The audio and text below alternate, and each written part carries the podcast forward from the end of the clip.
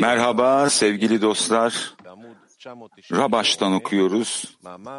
Makalenin ismi Çalışmada Esav'ın tarla adamı olarak adlandırılması ne anlama gelir? Sevgili dostlar çalışma bitimlerini Sivatova ve Aru sisteminde bulabilirsiniz ve aynı zamanda bu siteler vasıtasıyla canlı şekilde sorularınızı sorabilirsiniz. Salondan soru soracak dostlar ayağa kalkarak, mikrofonu ağzına yakınlaştırarak sesli ve net şekilde sorusunu soracaklar. Rabaş, çalışmada Esav'ın tarla adamı olarak adlandırılması ne anlama gelir? Zohar şöyle söyler. Burada becerikli bir avcı, tarla adamı yazılmıştır. Ve orada Nemrut hakkında o efendinin önünde güçlü bir avcıydı diye yazılmıştır. Orada yazıldığı anlamı ile bu insanların zihinlerini avlıyor ve onları Yaradan'a isyan etmeleri için yanıltıyordu anlamına gelir. Burada ise tarla adamı insanları soymak ve öldürmek anlamına gelir. Esav kendisinin de İshak gibi dua etmek için sahada olduğunu söylemiştir. Şöyle yazıldığı gibi ve İshak sahada dolaşmaya ve avlanmaya çıktı ve İshak'ı kandırdı. Çalışmada Esav hakkında söylenen iki şeyin ne olduğunu, yani becerikli bir avcı ile tarla adamı arasındaki farkın ne olduğunu anlamalıyız. Ayrıca Zohar'ın neden saha adamı çünkü onun payı yaşanan bir mekanda değil, ıssız bir yerdedir. Çölde, sahadadır ve bu nedenle o saha adamı olarak adlandırılır dediğini anlamalıyız. Fakat Nuh'a da toprağın adamı deniyordu. Şöyle yazıldığı gibi ve Nuh yeryüzünün adamı başladı. Ayrıca İshak'ın kendisi hakkında da şöyle yazılmıştır. Ve İshak sahada dolaşmak için dışarı çıktı. Ayrıca İshak'ın Yakup hakkında şu yazılanları söylediği yazılmıştır. Ve dedi ki, bakın oğlumun kokusu, efendinin kutsadığı tarlanın kokusu gibidir. O halde Esav söz konusu olduğunda saha adamı sözlerinin insanları soymak ve öldürmek anlamına geldiği nereden yola çıkarak ima edilmiştir? Bunu çalışmada yorumlamalıyız. Şöyle yazılmıştır. Tanrı'nın yapmak için yarattığı, yani Yaradan dünyayı yarattıklarına iyilik yapmak amacıyla yaratmıştır. Ve bu amaç için haz ve mutluluk alma arzusu adında yeni bir şey yaratmıştır. Öğrendiğimiz üzere onun vermek istediği haz ve mutluluğun tadını çıkarabilmek için alınacak haz, o şeye duyulan ihtiyaç ve özleme göredir. Zira kişinin o şeyden alabileceği hazın ölçüsünü o şeye karşı duyduğu özlem belirler. Dolayısıyla ilk olarak bu yokluktan varlığı alma arzusu ortaya çıktı. Bu Tanrı'nın yapmak için yarattığı olarak adlandırılır. Yapmak, yaratılışın ıslahıdır. Çünkü bununla ihsan eden ile alan arasında bir fark olur. Bu nedenle utanç ekmeği konusu yani utanç meselesi vardır. Bu sayede ihsan etme amacını edinebiliriz. Yani bu hazzı ve mutluluğu almaya yönelik duyulan büyük özleme rağmen almama anlamına gelir. Yine de utanç hissetmemeleri için yaratılanlara bu çalışma verilmiştir. Buna çalışma denir. Çünkü bu, Yaradan'ın yaratılışı yarattığı doğaya aykırıdır. Yaratılışın amacı, onun yarattıklarına iyilik yapmasıdır demek, kişinin aldığı söylenebilecek her şey, yani kişinin almaya yönelik arzusunun olduğu her şey, bu doğayı yaratmış olan Yaradan'dan gelir. Bunun aksine, Yaradan'ın vermek istediği haz ve mutluluğu alamamayı ise yaratılmış varlıklara atfederiz. Bu nedenle ihsan etme amacımız olmadığı sürece haz ve mutluluğu almama yönündeki bu ıslah yapmak olarak adlandırılır ve yaratılanlar doğaya aykırı olsa dahi bunu yapmak zorundadırlar. Bu alma arzusu malhut olarak adlandırılır. Çünkü bilindiği üzere ışıkları alacak olan kliye, kaba, malhut denir. Öğrendiklerimize istinaden bu malhutun üzerinde bir simsum, kısıtlama ve gizlilik vardı. Ve malhut kendisi için alma arzusu açısından ışıksız kalmıştı. Ancak yalnızca üzerine ihsan etme arzusunu yerleştirmek mümkün olduğu zaman o ölçüde simsum ve gizlilik ondan ayrılır ve o bolluğu alabilir. Aksi takdirde malhuta ışık olmayan boş alan adı verilir. Buradan Tanrı birini diğerinin karşısında yarattı. Örneğinde olduğu gibi.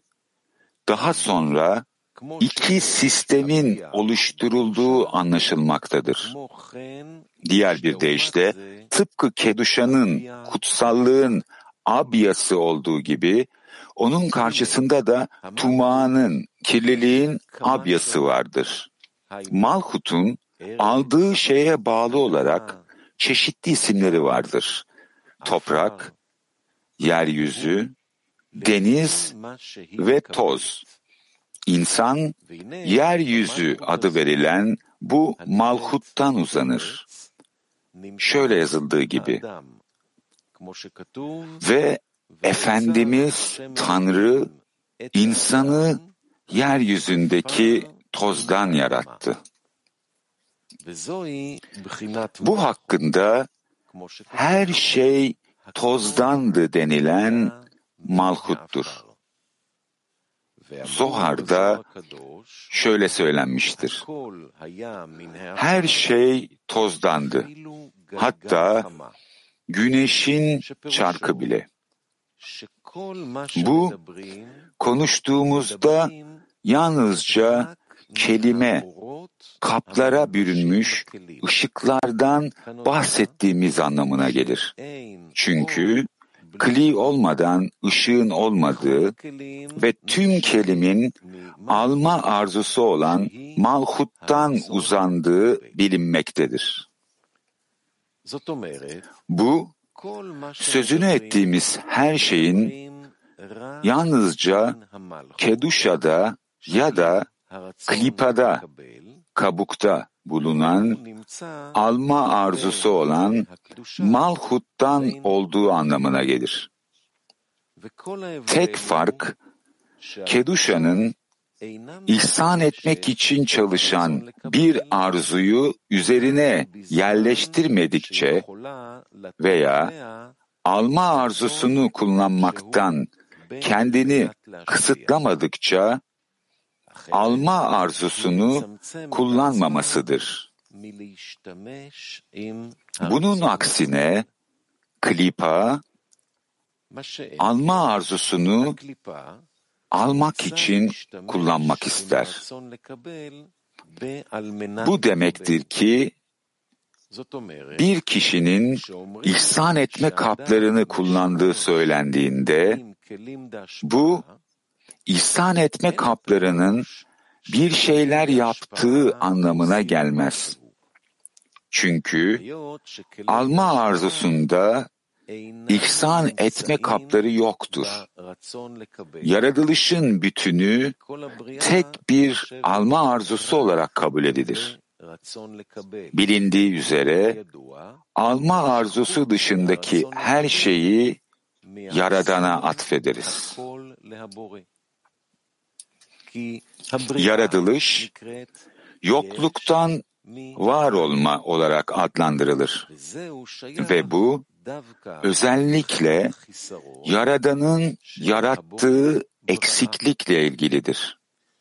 Ancak kişinin ihsan etme arzusunu kullandığını söylediğimizde bu, kişinin alma arzusunun kendi niteliği değil, arzusu hiçbir şey almak değil, yalnızca ihsan etmek olan Yaradan'ın arzusunu kullandığı anlamına gelir. Yukarıdakilere istinaden saha adamı olarak adlandırılan Esav hakkında söylenen saha kelimesinin anlamını anlayabiliriz. İshak'ın da sahaya çıkmış olduğunu görüyoruz ve ayrıca Yakup hakkında İshak'ın şöyle söylediği yazılmıştır. Bakın oğlumun kokusu efendinin kutsadığı tarlanın kokusu gibidir. Bu tarla kelimesinin alma arzusu olan malhut demek olduğu anlamına gelir. Ve orada keduşa olarak adlandırılan ihsan etme amacıyla çalışmaya doğru ıslah edilip edilmeyeceğine dair bir seçim meselesi vardır. Bu İshak'ın efendinin kutsadığı tarla gibi sözleriyle ilgilidir. Onu ihsan etmek için çalışmak üzere ıslah etmez ve almak için almak ile meşgul olursak buna saha adamı denir ve bu bir klipadır. Şöyle söylendiği gibi saha adamı insanları soymak ve öldürmek için. Bu Esav'la ilgilidir. Ancak İshak hakkında şöyle yazılmıştır. Ve İshak tarlada dolaşmaya çıktı. O, alma arzusu olan malhut niteliğinin ihsan etme amacıyla çalışabilmesi için malhut olan alanı ıslah etmeye gitmiştir. Bu, dünyayı Şaday krallığıyla ıslah etmek olarak adlandırılır. Şadi isminin Yesod anlamına geldiği bilinmektedir. Yesod ise ihsan eden olan Yesod Sadik, erdemli olarak adlandırılır. Niyet, almak olan malhutu ıslah etmektir. Böylece o, ihsan etmeyi amaçlayan yesod niteliğine benzer hale gelir. Bu İshak tarlada dolaşmaya çıktı sözünün anlamıdır. Benzer şekilde Yakup hakkında da Yakup'un şöyle söylediği yazılmıştır. Bakın, oğlumun kokusu, efendinin kutsadığı tarlanın kokusu gibidir. Diğer bir deyişle, İshak, Yakup'un Malhut'u ıslah ettiğini gördü. Böylelikle, Malhut olan tarlada Yaradan'ın kutsamasını görmek mümkün oldu. Ancak Zohar'ın Esav'a ilişkin olarak bu alandan neden kınayan bir şekilde bahsettiğini anlamalıyız. Bunun becerikli bir avcı ve sonra da tarla adamı yazılmış olmasından kaynaklandığı şeklinde yorumlamalıyız. Becerikli bir avcı Nemrut'tan gelir şeklinde yorumlar. Çünkü Nemrut efendinin önünde güçlü bir avcıydı. Zohar bunu insanların zihinlerini avlıyor ve onları Yaradan'a isyan etmeleri için yanıltıyordu şeklinde yorumlar. Yetenekli bir avcı ile tarla adamı arasındaki farkı anlamalıyız. Öğrendiklerimize istinaden akıl ile kalp arasında bir fark vardır. Bağlasılan şöyle açıklar. Zihin mantık ötesi inancı ifade eder. Kalp ise yalnızca kendi iyiliği için çalışan kalpteki arzu anlamına gelir. Bu, yani kendi iyiliği için demek, kişinin çabasının karşılığında alacağı ödüle değdiğini gördüğü sürece, dünyadaki her işi yapmaya istekli olması demektir. Buradan şu sonuç çıkar.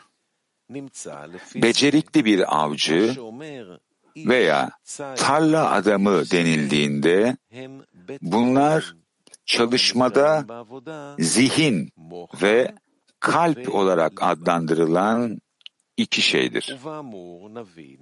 Artık yazılanların Esav hakkında onun yetenekli bir avcı olduğunu söyleyip söylemediğini anlayabiliriz. Ve biz Nemrut'tan avlanmanın ne anlama geldiğini, insanların zihinlerini avladığını ve onları Yaradan'a karşı isyan etmeleri için yanlış yönlendirdiğini öğreniyorsak, bu zihindeki yani inançtaki bir kusurdur. Bundan tarla adamı cümlesini nasıl yorumlayacağımızı biliyoruz. Bu demektir ki o zihni kusurlu kıldığı gibi kalbi de kusurlu kılmıştır. Bu nedenle tarla adamı cümlesini kendini sevmek anlamında yorumlarız. Yani onun tarlası insanları soymak ve öldürmekle ilgiliydi. Tarlada iyilik yönünde bir seçim yapmak zorundaydı ki böylelikle orada kutsama olsun. Ancak o tam tersini yaptı, ölümü ve öldürmeyi o tarlaya yaydı. Bunu çalışmada yorumlamalıyız. İnsan alma arzusu ile yaratıldığından ve bunu ihsan etmek için çalışmaya doğru ıslah etmesi gerektiğinden bunu ıslah edebilmek için yani bir seçim şansı olabilmesi için yani kişinin Tora ve mitzvotu, emirleri ve iyi eylemleri kendi menfaati için değil, ihsan etmek için, gözetebilmesi için bir simsum ve gizlilik yapılmıştır. Gizlilik aklın içine, mantık dahiline yerleştirildiğinden burada kişi çalışmaya mantık ötesi inanç biçiminde başlamalıdır. Bu seçimle ilgili çalışmanın başladığı zamandır. Yani kişi bir yük olan cennetin krallığının yükünü tıpkı bir öküzün yükü yüklendiği gibi kabul etmelidir. Diğer bir deyişle beden yaptığı çalışma ile ne yapıldığını görmedikçe hiçbir şey yapmayı kabul etmese dahi bu böyledir. Çünkü bu Tanrı'nın yapmak için yarattığı doğadır. Yani kişi ne yaptığını görmelidir. Yani çalışması ile ne yapıldığını görmelidir. Yaptığı çalışmadan kimin haz aldığını görmelidir. Bu nedenle kişi Tora ve mitzvot ile meşgul olduğunda çalışmasını kimin aldığını görmek ister. Islah amacıyla bir gizlilik ve saklanma yapıldığından kişi çalışmasını kimin aldığını görmez ve hissetmez ve çalışmasını Yaradan'ın aldığına mantık ötesi bir şekilde inanmalıdır. Ancak beden buna inanmak istemez. Bu nedenle bu çalışma bize öküzün yüke koşulması gibi verilmiştir. Başka bir deyişle öküzün zorlamayla çalışması ve sahibinin istediğine itaat etmesi gibi insan da bedenine Tora ve mitzvotun yükünü almak isteyip istemediğini sormamalıdır. Aksine onu zorlamalı. Bilgelerimize ve hakikatin yolunun bu olduğuna inanmalıdır. Ayrıca bir de yük taşıyan eşek gibi anlayışı vardır. Yani bu kalbin niteliğidir. Diğer bir deyişle kişi ödül almak için çalışmamalıdır. Dolayısıyla bedene hiçbir karşılık beklemeden çalışması söylendiğinde bu çalışma ona yük olur ve insanın acı çekmesini istediği beden bu yükten kurtulmak ister. Yani böylece beden bu çalışmanın karşılığında alacağı şüpheli ve kesin olmayan bir ödül için bile yükü taşıyabileceğini anlar. Ancak karşılıksız çalışın ve yükleri taşıyın denildiğinde her saniye bu çalışmadan kurtulmak ister. O zaman yük taşıyan eşek gibi denilmiştir. Yani kişi bedeni aynı fikirde olmasa dahi bu yönde yürümek zorundadır.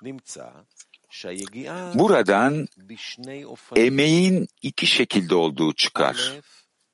Bir, öküzün yüke olduğu gibi. İki, eşeğin yüke olduğu gibi.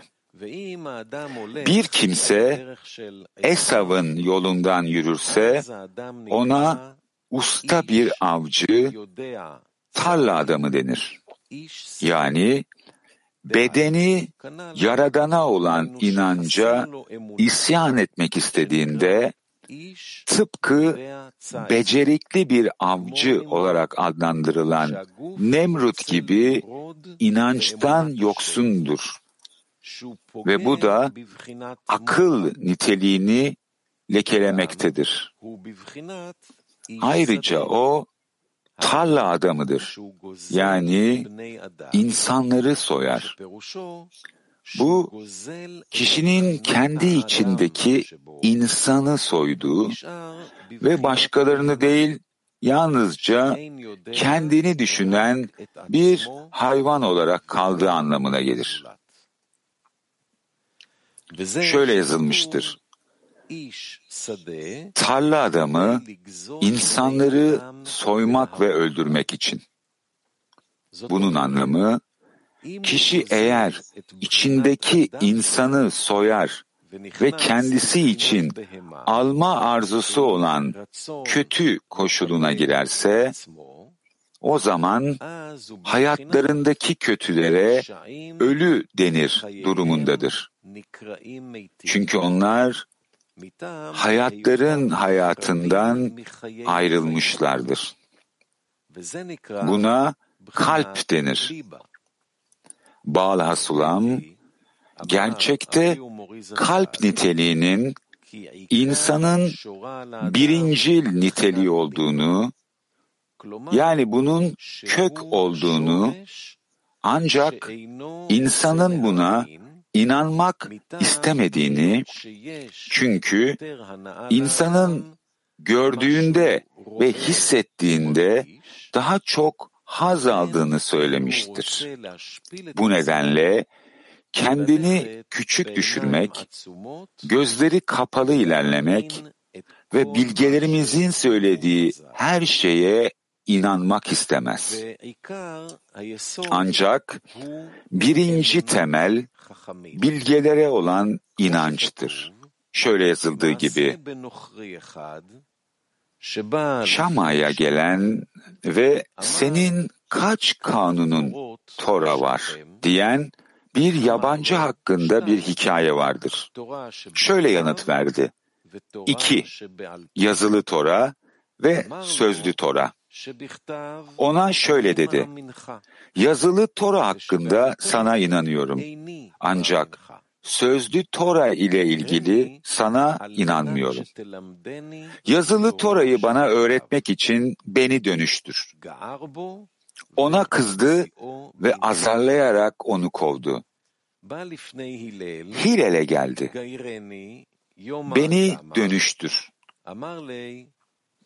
İlk gün ona Alef, Bet, Gimel, Dalet dedi.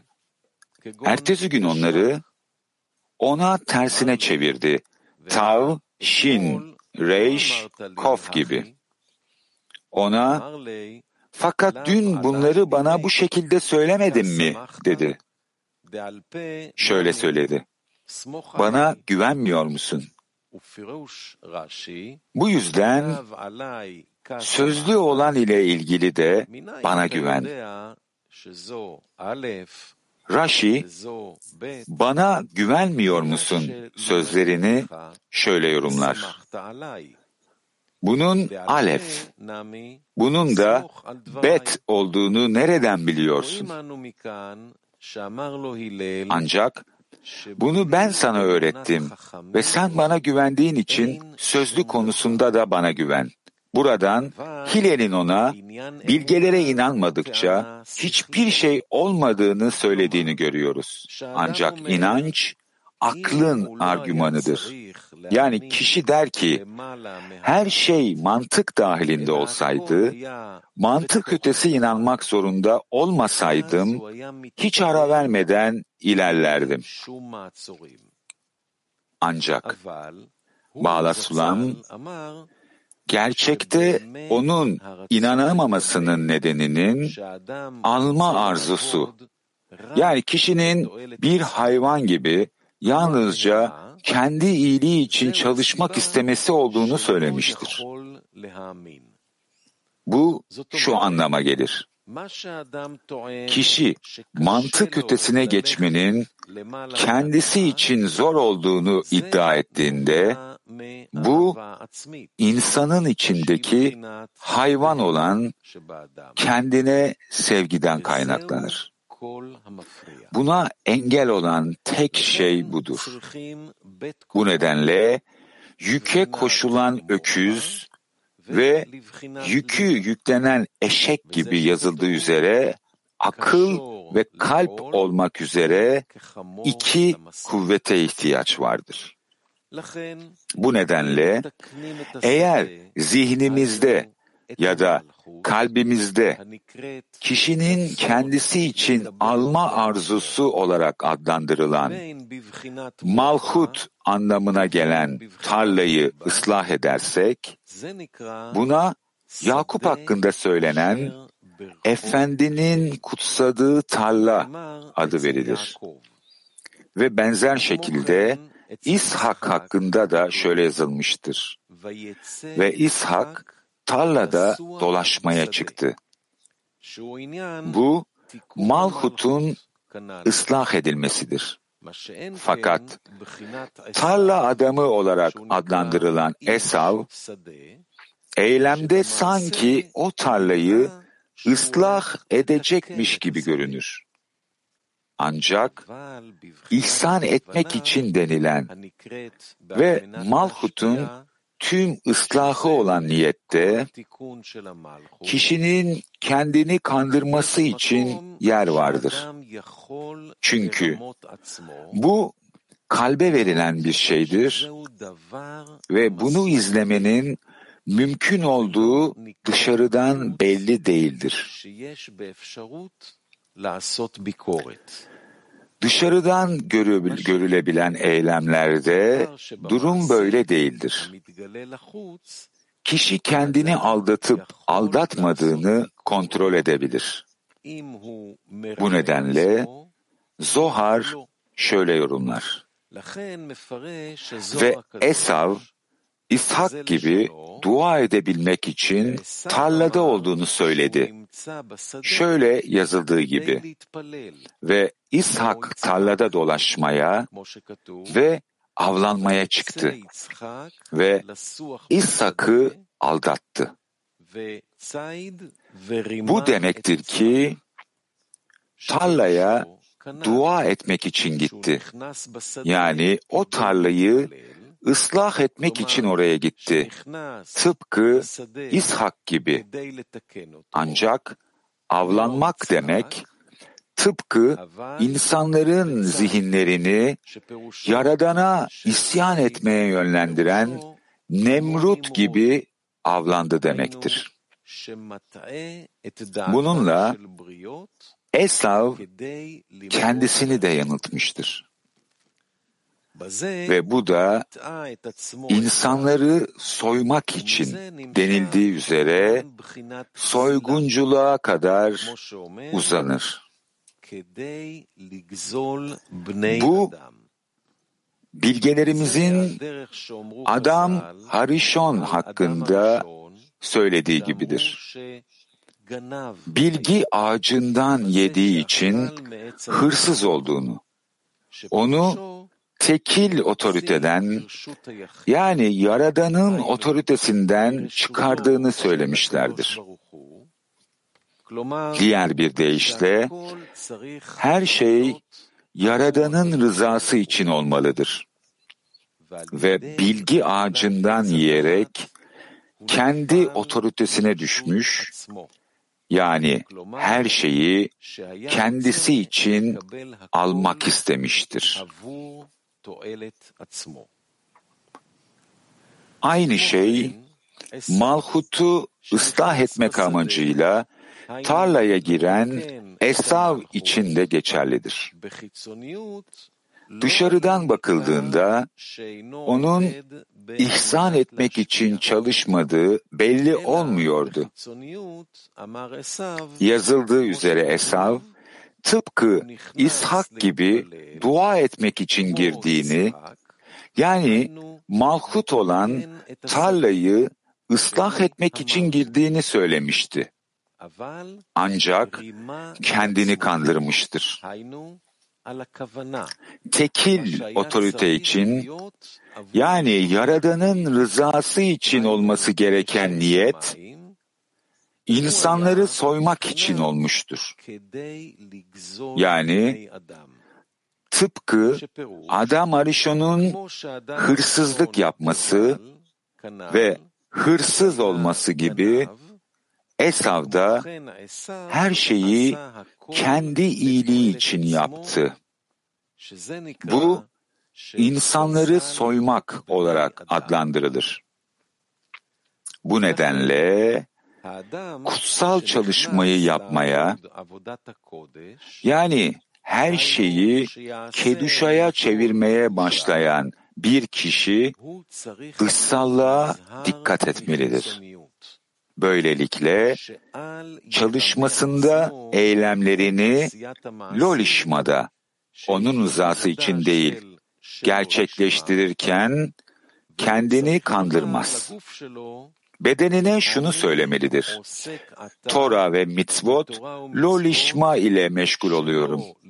Ve bununla lişma, onun rızası için hedefine gelmek istiyorum. Şöyle söyleyen bilgelerimizin sözlerine inanır. Kişi her zaman Tora ve mitzvot lolişma ile meşgul olmalı ve lolişmadan lişmaya gelmek isteriz. İçindeki ışık kişiyi ıslah eder diyen bilgelerimize inanır ve bununla ödüllendirilir.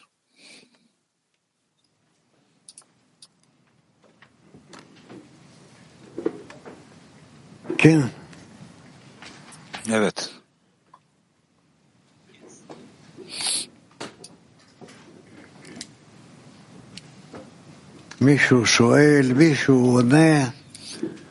Sormak isteyen var mı veya cevap vermek isteyen?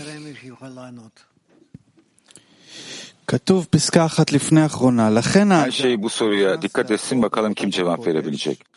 Şimdi en sondan bir önceki paragrafta kişi yani ihsan etme çalışmasına girdiğinde dışsallığa dikkat etmelidir. Böylelikle çalışmasında eylemlerini lolişmada gerçekleştirirken kendini kandırmaz. Bedenine şunu söylemelidir. Tora ve mitzvot lolişma ile meşgul oluyorum ve bununla lişma hedefine gelmek istiyorum diyor. Neden? Bu çok önemli. Yani kişi eylemlerde, dışsallıkta çalıştığı zaman neden sanki lişmada çalışıyormuş gibi kendini kandırmaması önemli. Yani buradaki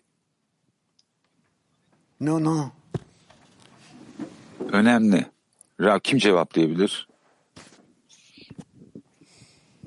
שיהיה חיסרון ברור. אה? שיהיה חיסרון ברור על מה הוא מבקש. Yani buradaki eksikliğin net olması lazım. Rav ne? אני לא הבנתי. מה? Öğrenci yani eksikliğin net olması lazım. Rav מה anlamadım. הוא מבקש? Ne demek yani net bir על eksiklik? מצבו האמיתי. אתה עונה לי ככה מסביב. Yani אני kendi לא יודע gerçek מה- koşulu için Rav.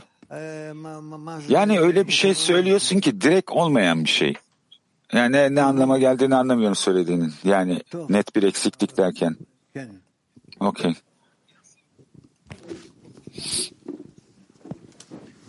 מתוך הטקסט, אה, בפסקה א', אה, באלף ואחד, פסקה א', Metinde שורה השדה.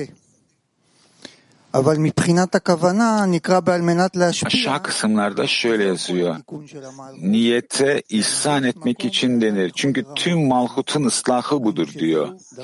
Ve bir yer var burada kişinin kendire, kandırabileceği. Yani kalbe yönelik olan bu dışarıya yönelik çok açık olmadığından kişi burada eleştirebilir diyor Rav evet. Şimdi niyetle ilgili kişi kendine güvenemez Rav. Peki ne yapar kişi? Öğrenci talep eder. Rav, hayır hayır hayır hayır. Sen cevaplayacaksın. Ne mi yapar kişi? Hocalara inanır. Hocalara inanç. Ki kendini buna yönelik zorlayabilsin. Rav. Kim cevaplamak istiyor? Evet.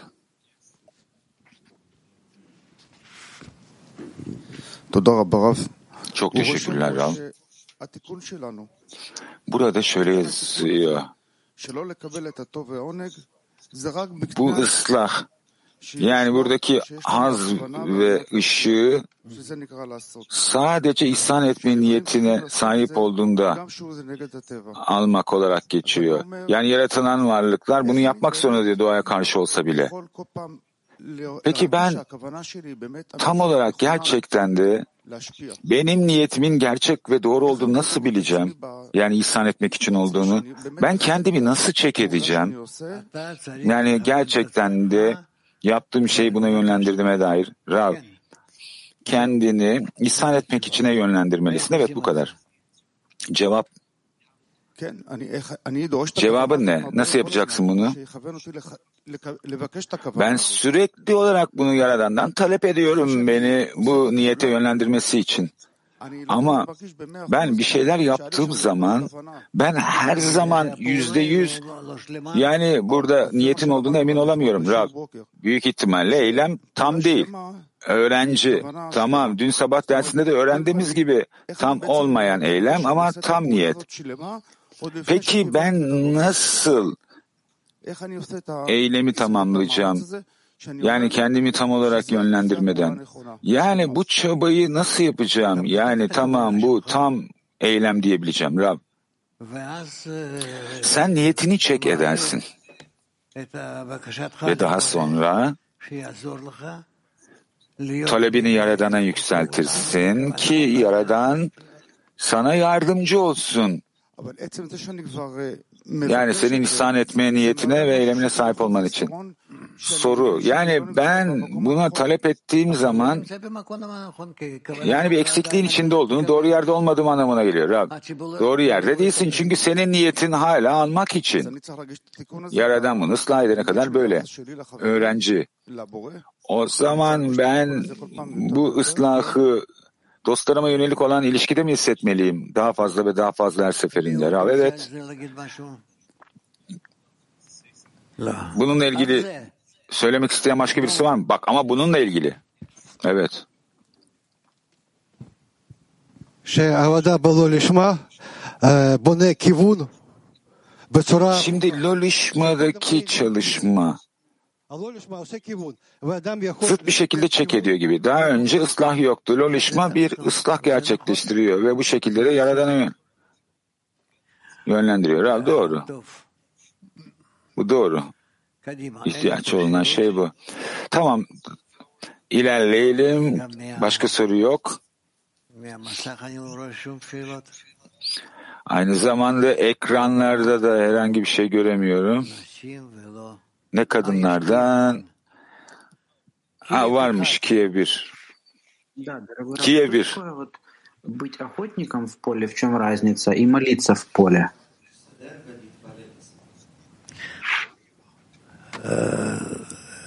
Tarlanın adamı olup avcı olmak ve dua etmek bunlar arasındaki fark ne Rab? Eğer ben tarladaysam eğer ve ben kendimi hala almak içindeyken keşfediyorsam yani niyetimde ne yapıyorum? Her türlü eylemler yapıyorum ki niyetimi ihsan etmek içine değiştirebileyim. Temelde tüm mesele bu. O yüzden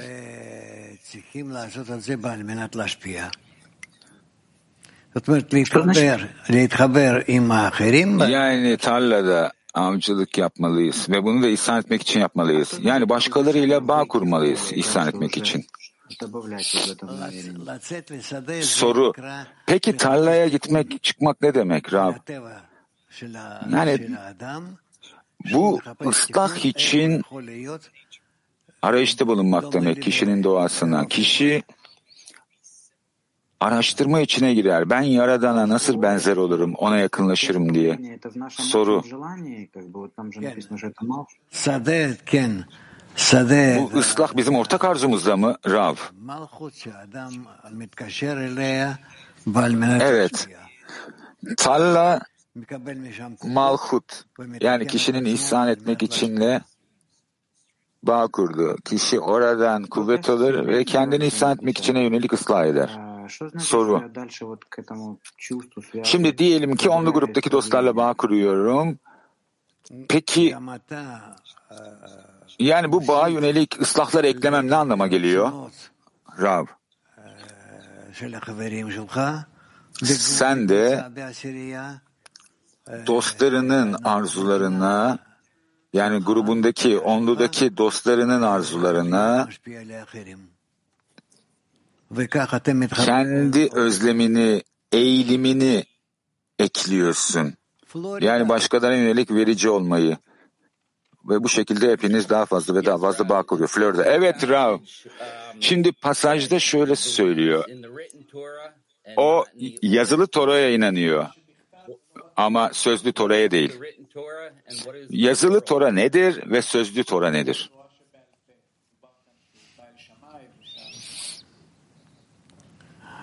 Rav. Evet. Kim cevaplayabilir? Evet lütfen. אולי שתורה שבכתב זה משהו, זה מעשים שהוא עושה בפועל ואין לו פה מקום לרמות את עצמו, כמו שכתב אפשר לראות אותו. Evet. תורה שבעל פה זה אמונת חכמים. Yani pratikte yapacağı şey yazılı Tora. Yani okuyabiliyor burada kişi. Sözlü Tora ise yani hocaların e, bilgisine güvenmek ama kişi bunu gözleriyle göremiyor. Ya, okey. Başka var mı? Başka fikirler var mı? Evet. אני חושב שבעל פה, תורה שבעל פה זה אמונה מעל הדעת. Düşündüğüm kadarıyla Sözlü Tora mantık ötesi inanç, yazılı Tora ise yani hocalara olan inanç. Yani onların almış olduğu her şey ve bize vermiş oldukları her şey ve ne yapıyoruz onları birleştiriyoruz. Rav okey.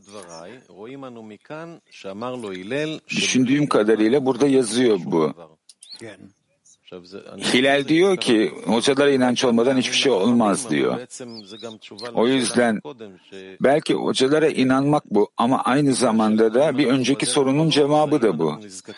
Yani bizim testimiz doğru yolda mıyız değil miyiz diye mantık ötesi inancı talep edip etmediğimizde eğer yapmıyorsak hala alma arzusundayız demektir. Rav okey. Bu kadar mı? Evet evet.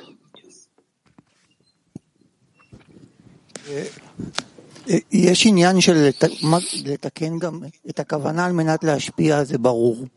מה זה Şimdi נקרא burada שצריך לתקן את הרצון? niyeti ıslah et, etmek var, ihsan etmek için. Yani arzuyu ıslah etmek ne demek ki bu ihsan etmek için olsun Rav? Hayır, hayır. Arzuda ıslah edilecek bir şey yok. Belki bu şekilde yazıyor metinde ama arzu değişemez. Arzu arzudur ve bu kadar. Bizim değiştirebileceğimiz tek şey niyet. Arzularımız yani bizim eylemlerimizi değiştirmemize gerek yok. Bu sebepten dolayı bizim tüm çalışmamız görünmüyor, görünmez. Yani sadece niyette, gözle görünmeyen bir şey. Evet. Günaydın.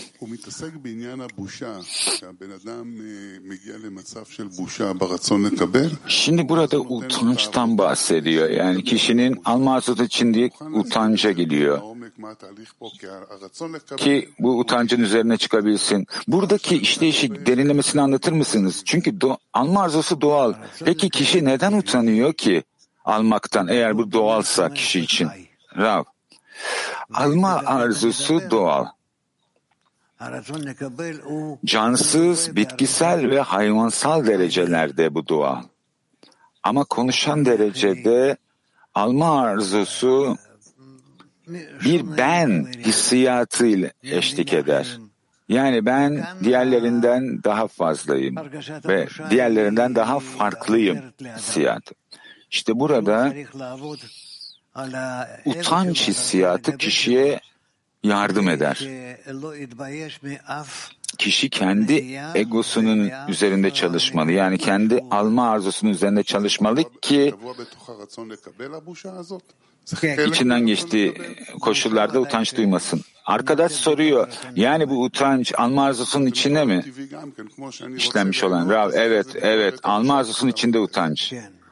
Soru, yani ben haz almak istediğim zaman utanç mı uyanıyor? Rav, evet. Soru, peki bu bizim çalışmamıza nasıl sebep veriyor? Rav? Bu seni zorunlu kılar çalışman için. Arkadaş diyor ki utanç mı? Rav, evet, tabii ki. Birçok insan yapmış oldukları şeyi utanç onları zorunlu bıraktığı için yapar. Soru o zaman tüm trik yani utanmadan bu şeyin içine mi girmek? Mantık ötesi inançla. Rav. Evet. Bak burada oturan herkese bak. Neden tüm bu insanlar bu büyük şehrin ne bileyim büyük şehre dağılıp da bağış toplamıyor. Diyelim ki gün, gün boyunca alacakları bağış şu anda aldıkları maaşla eşit olacak.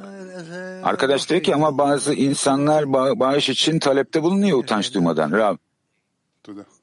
Yani onlar utancı kaybettiklerinden değil. Onlar kendilerini bir şekilde haklı çıkartmaya çalışıyor. Bu kadar basit değil mi?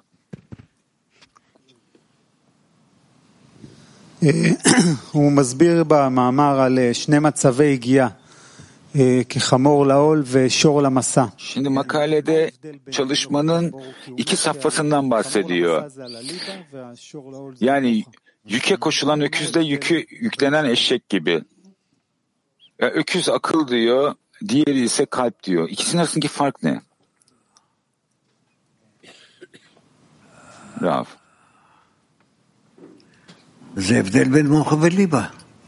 Yani bu kalple akıl arasındaki fark.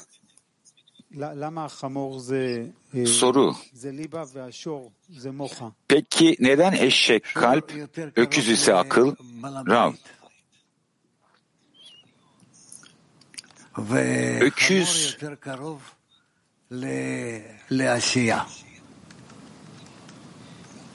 ev sahibine yakındır.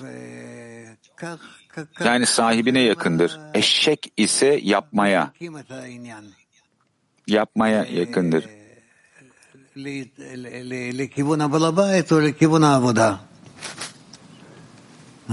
Yani birisi sahibine yönelik, diğeri ise çalışmaya yönelik. İkisi üzerinde çalışmamız gerekiyor nihayetinde. Soru, yani bu zorlama safhası, yani mevcut safhasındaki zorla çalışma, yani her zaman zorla mı çalışacağız veya başka safhalar var mı yolda? Rav. Son, yolun sonuna kadar böyle dedi Rav. Yani yolun sonuna kadar zorla mı çalışacağız? Yani Yaradan'ın ifşa olduğu safha yok olmayacak mı Rav? Tabii ki var ama hala yolun sonuna kadar bu zorla çalışarak olacak. Soru yani ilk safhalarda daha fazla zorlama çalışmalıyor ve daha sonra derecelerde yükselince bu azalmıyor mu Rab? Şimdi bir yanda bu biraz azalır, diğer bir yanda da ifşa olur. Soru. Şimdi bizim mevcut safhalarımızda biz peki kuvveti nereden alıyoruz zorla çalışmak için alma arzusuna karşı Rav? Bizler bununla konuş, bununla ilgili konuştuğumuz ölçüde ve buna ulaşmayı istediğimiz ölçüde yani dostlara yönelik utanç vasıtasıyla veya kendimize yönelik utanç vasıtasıyla yani ben kendimi tekrar aynı safhaya geri döndürmeye izin vermiyorum. Soru peki bu hissiyatla nasıl ilişki kuracağız? Çünkü bu zorlama içinde bir zayıf hissediyor kişi kendini. Yani alma karşı zayıf hissediyor. Üstesinden gelemiyor veya yarı üstesinden geliyor Rav. Şimdi sen kendi önünde bir düşman farz et ve bunun üzerine çıkmaya çalış. Arkadaş diyor ki bu sadece grubun yardımıyla mı oluyor? Yani kendi başına olmuyor mu? Rav? Okey yani bununla ilgili yazıyorlar. Bununla ilgili birçok yerde yazar. Gershon. Şimdi şeyin sorusunu takiben şöyle yazıyor. Kişi çalışmaya mantık ötesi inançla başlamalı. Çünkü mantığın içinde bir gizlilik var diyor. Ve daha sonra çalışma bir seçimle başlar diyor. Kişi yani cennetin yükünü üstlenmeli diyor. Yani yüke koşulan öküz ve yüke yüklenen eşek gibi. Yani beden buna itiraz etse de çünkü Yaradan'ın yaratmış olduğu bir doğa bu. Kişi ne yapması gerektiğini görmeli. Yani bu çalışmayla ne yaptığını. Yani çalışmasından kimin memnun olduğunu görmeli diyor. Şaya cevap, cevap Şay dostumuzun sorusuna devam etmek amacıyla. Şimdi ben bedeni zorluyorum bir şeyler yapması için. Tamam önümde bir grup var. Ne bileyim grup tarafından saygı duymak istiyorum, utanç duymamak istiyorum. Ne yapıyorum? Çeşitli şeyler yapabiliyorum. Yani gruba yönelik, grubun benim yapmamı gerektiği, karar verdiği şeyler. Yani alma arzusu istemese de yapıyorum. Peki niyeti nasıl zorlayacağım? Nasıl kalbi zorlayacağım?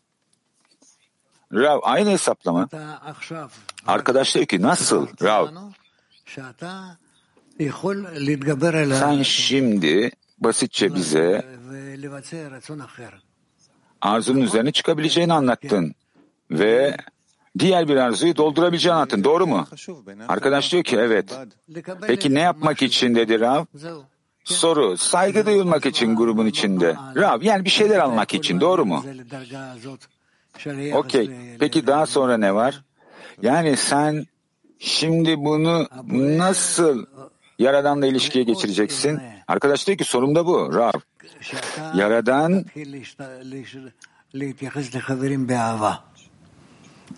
çok çok haz ve memnun olur eğer sen dostlarınla sevgi içinde ilişkiye girersen. Bu onun için en büyük hediye olur. Soru biliyorum ben bunu istiyorum. Peki ben onu nasıl sevmeye başlayabilirim? Çünkü tamam yani grup beni zorunlu kılıyor. Bu grup da verebilir sana bunu. Tamam kalbinin içinde bu yok. Yani bin tane yöne arzular, düşünceler geliyor Rav. Bu senin kalbini nasıl yönlendirdiğine bağlı. Eğer sen kalbini gruba yönelik biraz daha fazla açarsan eğer ve kendine kalbinin içinde olanların dostların tarafından görüldüğünü tasvir edersen, hayal edersen o zaman Yaradan'dan sana yardımcı olması için talepte bulunursun ki Yaradan kalbini dostlara doğru açmak için sana yardım etsin. Teşekkürler. Evet. רב, מה הגישה הנכונה לאמונת חכמים? Hocalara olan inanca yönelik doğru yaklaşım ne? Rav.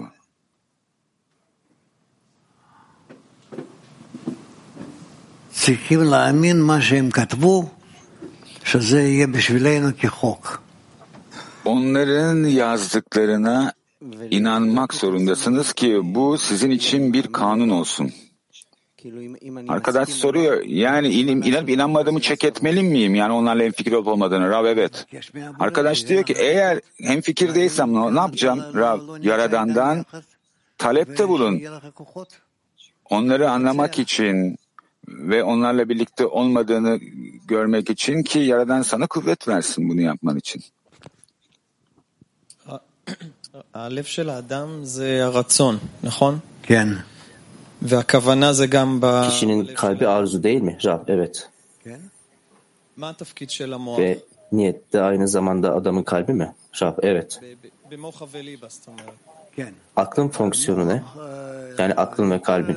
Rab. יותר לסדר את הדברים. Akıl daha çok bir şeyleri sınıflandırmak için yani arzuyu düzeltmek, kalbi düzeltmeyi talep etmek mi Evet. Ve aklın rolü de mantık ötesi gitmek mi doğru şekilde anladıysam eğer? Rav, evet. O zaman kim hangi hangisiyle çalışacağız? Rav, her ikisiyle de çalışacaksın. Sen tamamıyla aklı ve kalbi ayıramazsın. Sen aksine daha fazla bir çalışma yapman lazım aklında. Çünkü kendini böylesine bir türde yargıya getirebilmen için ve niyette çok hızlı bir şekilde kaçabilir. Niyet problem. Yani tam olarak niyete tutunamaz. Ve Onların arasında kim hangisi hangisini yönetiyor? Belki de bunun gibidir. Şav. E, beraber mi çalışıyorlar? Şav. Biri diğerine bağlı.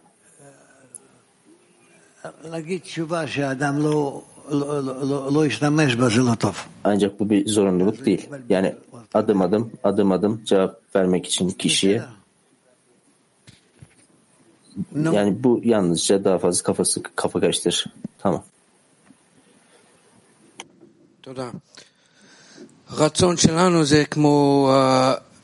Teşekkürler.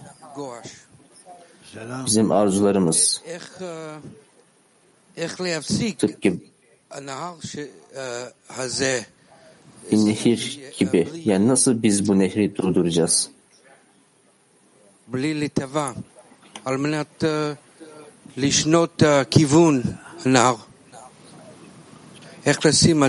Yani ben yönü değiştirebilirim nehrin yönünü.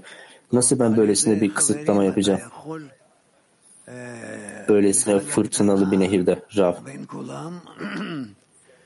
Dostlarla paylaşabilirsin. Nehrin karşısında herkes ve bununla çalışacaksın. כאילו משפחה או גר. בונה, בונה. Yani aile gibi. הבונה, הבעל חיים שבונה סכר בנהר, בנחל, אז הוא שואל על זה, על הבעל חיים הזה. Nehir burada bunu מה, אה, inşa ediyor? Bunu soruyor Rav. Ha, tamam. Yani bu çalışma, taşlar, çubuklarla beraber nehre. Yani onları inşa etmek nehirde. Da baraj inşa etmek mi? Duvar gibi mi? Evet. Yani ne soruyorsun? Bu barajın materyali ne? Maddesi ne? Bu tıpkı gördüğü gibi yani daha sonradan denize her türlü şeyler nehirden geliyor ve onu da bizim çalışmamızda.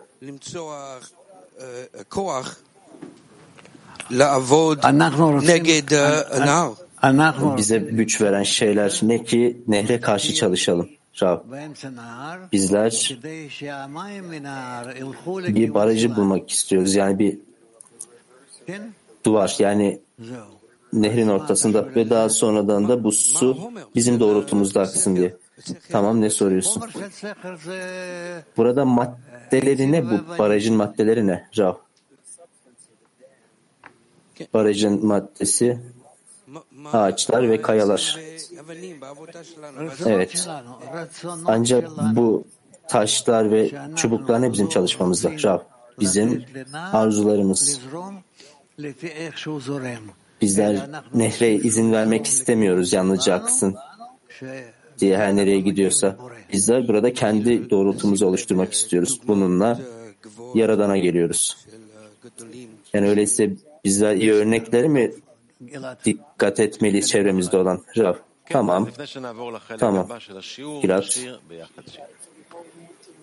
Bir sonraki kısma geçmeden önce beraber bir şarkı söylüyoruz.